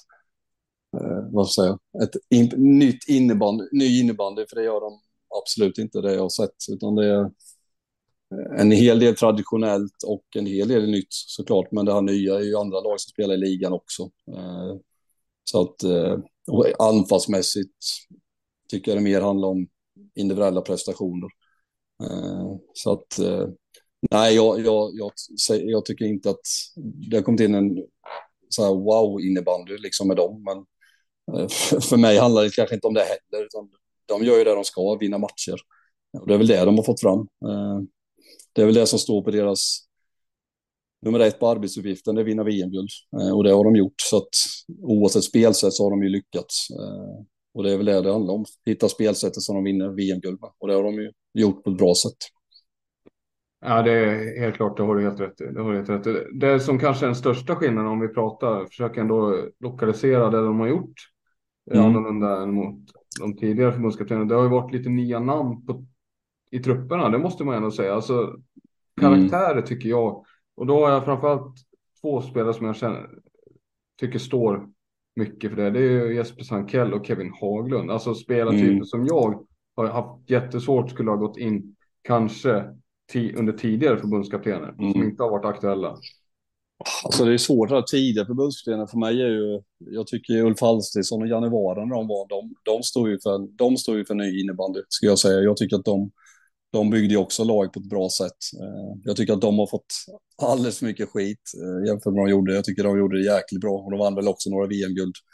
Eh, sen kanske det var efter, där det kom in mycket lirare liksom, som tog över efter. Men sen tycker jag det de gjort, som du är inne på, där med det är att de har, ja, men de har ju verkligen satt roller. Och det säger väl Nordén i varenda intervju, att de är otroligt tydliga med varje spelare, vad den har för roll. Och det, och det har ju gjort att de fått ett bra, så de också verkar ha en jäkligt bra lag, eh, alltså sammanhållning i laget och det är jävligt tydligt vad varje spelare ska bidra med. Eh, och de har ju liksom satt sin stomme och hållit fast vid den. Och det har väl också byggt laget eh, spelmässigt och just det här att alla accepterar sina roller. Eh, och där passar väl Haglund och Sankell in med i och med att de, de är lite mer tuffare spelare, lite mer attityd, lite mer rakt på mål och så här liksom in och, in och brunka, men på ett vackert sätt kanske. Eh, så att det, det har de lyckats bra med, absolut. Få med alla typer av karaktärer, eh, absolut. Tänker på Janivara till exempel, Micke Hill. Mm. Mer lirare, men också mer spelare som stöpta i lite mer samma profil kanske. Man tappade ja. de här liksom. Ja, jag vill inte, jag skulle nog inte sätta in Janivara i den. Nej. sen, gillar, sen gillar jag ju Micke Hill mycket. Jag känner ju honom och eh, gillar honom. Eh, men han kanske gick lite mer på lirar, eh, lirarna. Eh, eller stjärnorna. Eh, det kanske han gjorde. Sen all respekt för Micke Hill som jag själv var som tränare. Men jag kan tänka mig att det upplevs så utifrån att han gick mer på lirare.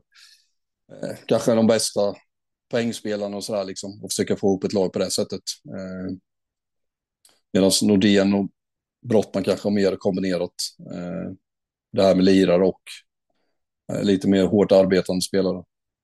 Men det är ju det är alltid så. Det är ju, mm, vinner man då, då hyllas man för allt. Förlorar man så sågas man för allt. Så att det, det är tvära kast i, i det där. Eh, faktiskt. Ja, alltså jag tänker just, och, och det, det enda du bedöms efter, precis som du själv har varit inne på som, som svensk förbundskapten, det är ju att vinna och framförallt de matcherna som räknas egentligen. Det måste man ju säga. Mm. I viss mån en semifinal om det är, om det är Schweiz eller Tjeckien som mm. då, men framförallt så är det ju en final mot Finland.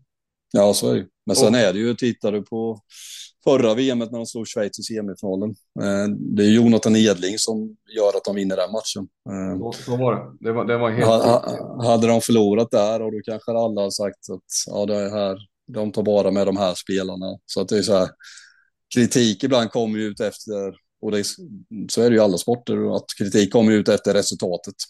Hade de förlorat där kanske de har blivit, eh, fått skit för att de tog ut de här spelarna. Liksom. Men nu, nu, nu vann Edling matchen åt dem och de vann, gjorde en bra final och vann där. Eh, och då hyllas de istället. Så det är så här, det är små marginaler från att bli sågad och hyllad eh, i, i den här idrotten. Och så ska det ju vara i toppidrott, att det är så. Eh, men de har gjort det de ska, vunnit två guld och det är ju, att målvakten är bra, det har ju till också i ett lag. Så att eh, de prickade ju rätt målvakt i den matchen och gjort det. Även det här VMet får man ju lov att säga med Jon Hedlund som gjorde det jättebra också. Ja, det är, det är imponerande just det faktiskt. Hur de, jag menar, det, Sverige har inte en dålig målvaktstradition måste man ändå säga. Jag tänker vi lämnar en sån som Måns Parsjö ner hemma. För mig är han en av de kanske i grundserien, alltså i, i SSL om man pratar en av de absolut bästa och har varit det ganska mm. länge liksom. Men han väntar fortfarande på liksom VM. Ja, ja men så är det ju. Det är ju det är tuff konkurrens där uppe i målvaktstoppen. Det får man ändå säga. Det är, eh, och det känns som lag och lag. Ja, men det är målvaktsfronten har blivit än mer viktig. Det, så är det ju. Det, så det kommer ju vara tuff konkurrens här framåt i, i landslaget också om de platserna. Mm. Jag tänker just på, på det vi var inne på lite där med. Man pratar ju ofta om hur svensk innebandy mår, svensk landslagsinnebandy framför allt. Och de här uh, finalförlusterna om Finland har ju spett på den diskussionen lite på senare, mm. senare år innan Nordén och Brottman tog tillbaka guldet. Men liksom, hur mår herrlags landslag på här sidan så att säga? Eh, om man Nej, men, väldigt mycket för, för att de gör bra saker och att de ligger före. Mm. Men, men hur, alltså hur, mycket, hur, många slut, hur mycket slutsatser kan man egentligen dra? Just som jag säger när vi pratar om att det är en eller två matcher egentligen som man kan, egentligen kan bedöma det på? Nej, det, det är väl det som är svåra. Det är ju, man får ju mer gå ner och titta på kanske ungdoms och juniornivå, hur det ser ut där liksom. Eh, för det är ju där vi utvecklar våra spelare till att bli de här seniorspelarna. Eh, sen är det svårt att dra, man kan ju liksom inte dra förlorar Sverige en final och spelar dåligt kan man liksom inte säga att svensk innebandy är värdelös heller. Utan det kan ju vara det är små marginaler de här matcherna liksom. Och sen tror jag att det blivit en ja, men det har blivit en hype kring att säga att Finland gör så mycket bra grejer liksom. Eh, just att, ja men tittar alla jättemycket på vad, vad är det Finland gör bra liksom. Utan det säger man bara det för att vara kritisk till svensk innebandy. Eh, så att jag tror att det är större diskussion än att bara slänga ut sig något också eh, om det.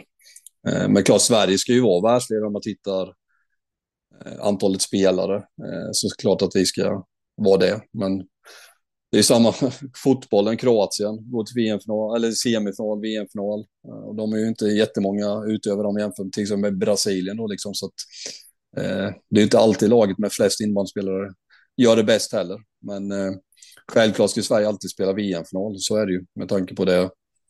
Eh, ja, vi, vi, har att välja på och vår liga är väl fortsatt eh, den jämnaste om man ser flest toppspelare har ju Sverige tycker jag jämfört med Finland. Det tycker jag. Ehm, men så det är svårt att, det är svårt att säga det egentligen. Sen, sen är väl, har väl Tjeckien har väl kommit på stark frammarsch om man tittar på ungdomssidan. Ehm, mm. Och det är ju spännande. Och där tycker jag väl att Sverige ska vara ännu mer överlägsna på ungdomssidan. Men och där, där tycker jag vi har ett jobb att göra. Jag tycker att vi behöver fostra. alltså där tycker jag ungdoms, jag tycker liksom inte det finns en anledning till att de äldre spelarna i landslaget fortfarande är kvar liksom, och är de bästa. Det är att det inte kommer upp jättemycket underifrån kanske. Eh, det är inte jätteofta det kommer upp en supertalang som är 18-19 år och som aspirerar på en landslagsplats.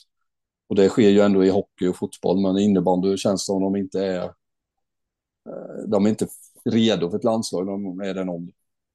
Nej. Och det, det, är ju, och det tycker jag, varför kan inte vi lyckas med inom innebandy när de gör det i alla...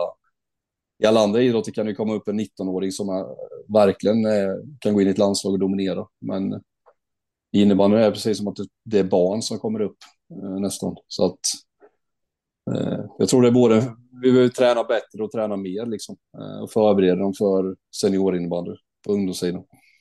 Ja, det där är en jätteintressant diskussion också. Jag tycker man kan vända på det och, och säga att vi har ju haft extremt, alltså det är just bredden eh, som vi har på svensk innebandy och SSL också är kanske styrkebesked med tanke på att det, det är en sån extrem konkurrens. Ja, men så är det ju. Det finns ju många bra spelare. Vi har ju en jäkligt hög lägstanivå på innebandyspelare i Sverige. Eh, det, det, har vi absolut. Men jag känner väl det där med unga spelare, att de skulle vara mer men vara bättre när de kommer upp till mm. högsta ligan. Det är väl det jag känner att eh, det tar alltid något år innan. Det finns ju alltid några, Malte Lundmark och de här, de blev ju ganska bra tidigt, men eh, jag tycker att det är fortfarande för valpigt när våra juniorer kommer upp. Eh, jag anser ändå att är det 17-18 bör det kunna komma upp och liksom konkurrera på allvar, men jag tycker att det är väldigt få lag som har så unga spelare som kliver in och tar plats liksom. Mm. Och gör, gör skillnad framförallt. Eh, de som spelar idag är unga spelar väl framförallt i de sämre lagen. Där Nej, men det, alltså det, vi ligger lite efter med andra sporter med träning och allt sådär liksom på ungdomssidan. Eh, och det handlar väl mycket om att ja, men det är en resursfråga också. Många fotbollsföreningar och sådär, de kan ju lägga resurser, ekonomi på att ha arvodera ledare till exempel. Medan vi innebandy får kämpa på mycket med föräldratränare upp till, ja, upp till juniornivå liksom. Och det är klart att det, det blir inte samma grej på det sättet. Så att eh, allt handlar, vi behöver ju fler resurser i innebandy för att bli bättre. Så är det ju. Jag, tycker, jag kan tycka att eh, i vissa, det är lite dubbla ben där, men jag kan tycka att eh, mm. SSL-klubbarna, framför allt just för att de är SSL-klubbar, kan ta ett större ansvar. Nu, alltså just för, pratar man juniorsidan, alltså 15, 16 mm. till 18-åringar, JAS-åldern egentligen, borde mm. kunna ta ett större ansvar för sina juniorer. Vi har ju många föreningar på SSL-nivå som har, alltså det är ju bedrövliga junior, juniorlag. Mm. Alltså. Ja, men det, jag tror det är en del är resursfrågan, att de känner att de inte har ekonomi och tid att lägga på att få en bra juniorverksamhet istället plocka de andra lags juniorer till exempel. Det kan vara en del. Men jag håller med dig. Vi, vi SSL-klubben skulle kunna göra ett ännu större arbete där. Uh, och just där förbereda dem för seniorinnebandy på ett ännu bättre sätt. Uh, och inte bara lägga fokus på JAS heller, utan mycket utveckla för att de ska bli bra när de blir seniorer. För idag, idag är ju problemet också att många ungdomar nöjer sig med att komma med till exempel till distriktslags-SM. Då tror de att deras karriär är färdig och, eller att den är spikad för framåt liksom. Eller tvärtom, att du inte kommer med och lägger ner, ner karriären liksom. Så att eh, det finns ju mycket efter det. Så att eh, nej, det finns en del att jobba med. Det gör det, absolut. Kan du säga något kort om, eh, jag tänker, du lär ju ha en del insyn i den då, hur, hur ni mm. jobbar med juniorerna i Linköping så att säga? Hur ser det ut? Ja, ja, vi har ju så många lag i Linköping så jag har snart knappt koll på det heller. Vi är ju, vi är ju fem föreningar tror jag, igen. Vi har ju så här flera föreningar, men vi har ju ett JAS-lag som är väldigt, jobbar tajt ihop med vårt division 1-lag. Det är många spelare som spelar där.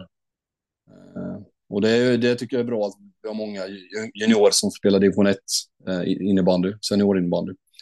Eh, och det är där vi lyfter upp spelare till våra träningar ibland. Så att det tror att det är det bästa utvecklingen är att de får möta seniorer. Eh, sen är det ju det med innebandyn att det är mycket yngre spelare. Många håller inte på så länge så det blir ju kombinerad division 1 med juniorserie nästan. Att det är så mycket unga spelare. Eh, men, nej, men det, det, är en bra verksamhet, Joas, där har vi bra tränare och så där i Linköping, så att det, det tycker jag funkar bra, absolut. Jag tänker som juniorspelare, i, i, går man till innebandygymnasium som inte alla gör visserligen. Det finns ju de som inte som väljer bort mm. i junioråldern. Men, men för de som väljer innebandygymnasiet så brukar det ändå innebära två till tre träningar på, på skoltid utöver mm. de klubblagsträningar man har. Så man brukar väl landa någonstans på sex, sju lagträningar i alla fall i veckan. Mm. Och sen har man kanske individuell träning också. Alltså det, är, är det mängden träning det är fel på eller gör vi fel saker? Eller, alltså kan vi... Alltså, det är nog liksom allt. Jag tror att jag, jag, har jag spelar i mitt lag som går nio så ser inte jag det som en fördel bara. Men aldrig, alltså, det blir bara en belastning, en onödig belastning ibland med nio. När de har liksom så många pass med... Spelar man elit så tycker inte jag man ska börja träna med nio till exempel. Eh, och sen alla nio, det är ju, kvaliteten är ju allt från jättebra till usel. Så att bara för att gå till innebandygymnasiet så innebär inte det att du blir bättre spelare, min känsla. Så att vi, vi skulle nog börja säkerställa kvaliteten på våra nio mer än vad vi gör idag, eh, tror jag. Är det, det, är det, din, är det alltså vilka, vilka är de särskilda nio gymnasier du pratar om? Nej, det är det inte. Nej, det är det inte. Men det är bara överlag. Jag känner bara vad, vad, vad ger nio oss? Ger, ger oss en jättemassa inne, bra innebandyspelare eller vad, är det bara ett, ett roligt val att gå innebandygymnasium liksom, eller vad? Ja, jag kan inte säga, jag kanske är kritisk utan att ha tillräckligt mycket insyn, men jag ser liksom inte att wow, där ser vi en spelare som gått på ett innebandygymnasium. Det ser inte jag skillnad på jämfört med någon som inte går innebandygymnasium. Så, så jag vet inte liksom vad, eh, Gör de, det till, gör de det till de bättre innebandyspelare? Nej, jag vet inte om det är så är fallet. Och det är väl det som är tanken med det. Men jag ser det mer bara som ett extra val. Det, så det kanske var bättre att klubben kunde vara med och lagt in extra pass istället då. Istället för att, eh, nio, att han går på nio. Eh, så att... Eh, jag, jag är själv inte nio på min tid. Jag, jag ser inte att det... Visst, det kommer fram många bra inbandsspelare, men jag ser liksom inte... Jag ser inte bara fördelar med att man går till nio liksom. Jag, eh, sen är det säkert RIG, det, RIG funkar, där tycker jag man ser skillnad. Liksom. Där, där kommer de ju... RIG känns som en bra skola liksom, som fostrar spelarna på ett bra sätt. Det, det, känns som att de lever i innebandy på ett annat sätt. Ja, men där är ju också, de får ju styra sitt, i och med att de spelar sitt egna lag så kan de ju styra belastning och allt sånt också på ett helt annat sätt.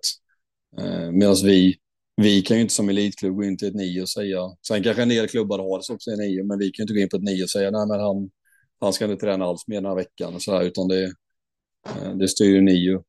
Sen brukar ju de ta hänsyn till det också såklart, men eh, eh RI kan ju styra allt själva där uppe. Så, att, eh, så att det är väl något man skulle kunna se över nio, liksom, om man ska ha flera RIG istället och inga nio, eller hur, vad, vad som är det bästa. Eh, för idag känns det ju som, kom in på ett nio är ju liksom inget så här, wow, jag är med nio. Det är jättekul. Barn, ungdomar tycker ju det är jättekul. Men ser jag till min där jag är då i mitt elitlag så ser inte jag vinningen av att, att, vi får bättre och fler spelare upp till oss för att de går nio liksom. Eh, det är väl det, så, så jag ser på det. Sen fattar jag ju när man är i den åldern att det är skitkul och häftigt att gå åt nio eller rik. Det fattar jag ju. Eh, men som elitförening då, då har man ju själv, då har man ju hellre själv kunnat bedriva den verksamheten. Och jag som tränare kunnat styrt eh, ett nio liksom till exempel, eller vi som förening. Sen har ju vi spel, eller spelare som jobbar på nio såklart, men vi, vi, jag ju inte, vi har ju inte insyn i den verksamheten. Eh, det kanske vi hade kunnat, men då, då ska vi också ha tid och möjligheter till det också. Men det finns säkert jättebra nio. Jag, jag ska inte vara alltför kritisk, men det är mer att jag, hade, jag är lite fundersam till vad, vad det är som är så himla bra med nio-verksamheten. Ja, det finns väl, jag, jag har inte exakt siffra, men det, det, finns ju ganska många nio skolor runt om i Sverige skulle jag ju gissa på. Det, det är inte liksom, vi pratar inte Nej, är många. utbildningar, utan Nej. rätt många. Ja, det är ju, det är väl över 20-talet, antar jag. Det, ja, men det är väl jättemånga, nio som finns. Sen, mm. sen tänker jag, jag har personlig erfarenhet av, av det där. Jag gick själv innebandy i gymnasiet eh, mm. tillsammans eh, i, i grupper då med jag gick en lokal innebandylinje eh, som kallades ja, Liga eller någonting sånt där. Och mm. sen hade jag, tränade man med, med nio spelarna, alltså nio grupper. Man var en och samma grupp egentligen. Så att mm. alltså, rent innebandymässigt var det ju samma träningar vi fick Mm. en lokal innebandylinje jämfört med nio spelare. Det enda som skilde, som jag minns det, på den skolan jag gick, jag vet inte om det skiljer sig, men eh, det var ju liksom att man fick viss mängd teori, alltså teorimässigt Mm. skiljer sig Mm. om du gick nio. Mm. Men jag menar det, jag vet inte hur, om det Ja, men det är ju också det här teori då. Då vet man inte ja, vad är det för kvalitet på den teorin. Det är ju också det här. Det kan säkert vara jättebra teori ibland. Kanske det är ja, jättedålig. Det är ju så här, hur, hur kvalitetssäkrar vi de som är nio instruktörer till exempel. Eh, Det finns säkert, det finns ju jättemånga bra instruktörer, men det finns också sämre instruktörer. Eh, Så att, eh, men det är också där, nio är också, det är ju många som har tröttnat på innebandy för att det blir för mycket också. Eh, och det är så här, för mig är det så här, ja, men spelar du och tycker du vill bli bäst, ja, men du kan lika väl träna själv liksom. Eh, den här spontan innebandyn, den finns ju inte heller på samma sätt kanske som det gjorde då liksom. Eh, så att det är nog både för och nackdelar med nio. Eh, men eh, ja, det är en intressant fråga i alla fall. Ja. Verkligen, jag funderar på om vi ska runda av det här egentligen. Mm. Hur känner du själv David? Absolut. Det går bra. Eh, Det har varit jätte, jätteroligt att ha med dig i podden och jag är Mm. övertygad om att eh, de som lyssnar på det här kommer tycka det också. Eh, Vi, Och tack, tackar för att jag fick vara med. ja, eh, anytime. Eh, Ja, Eftersom att vi spelar in det här några dagar innan så, och lite osäker när det kommer ut, men hur, Mm. Vi har julen som kommer här, vi redan pratat om. Hur Mm. firar du nyår? nej, det blir med, vi firar alltid med, vi har en, några vänner som vi alltid firar med. Eh, Så att det blir, det blir att fira med dem, blir det. Det blir, det blir ett städat, städat nyår i alla fall. Städat nyår. Ja, Låter bra. Laddar vi för 2023 och en vårsäsong där Linköping ska jaga vidare slutspelskampen här jajamän, siktar vi på. Toppen. Tack till alla er som har lyssnat. Eh, jättekul. Vi hörs snart igen och förhoppningsvis så har vi med Samme igen. Han har eh, tyvärr jobb eh, som gör att han inte kan vara med. Men vi hoppas att han också är med snart igen.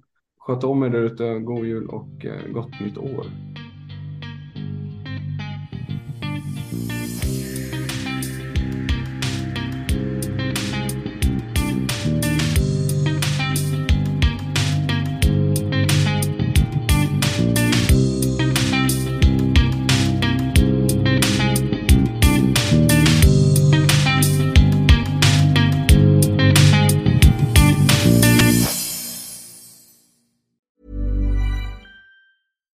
Can happen in three years, like a chatbot may be your new best friend. But what won't change? Needing health insurance. United Healthcare Tri Term Medical Plans, underwritten by Golden Rule Insurance Company, offer flexible, budget friendly coverage that lasts nearly three years in some states. Learn more at uh1.com. Mom deserves the best, and there's no better place to shop for Mother's Day than Whole Foods Market. They're your destination for unbeatable savings, from premium gifts to show-stopping flowers and irresistible desserts. Start by saving 33% with Prime on all body care and candles. Then get a 15-stem bunch of tulips for just $9.99 each with Prime. Round out Mom's menu with festive rosé, irresistible berry chantilly cake, and more special treats. Come celebrate Mother's Day at Whole Foods Market.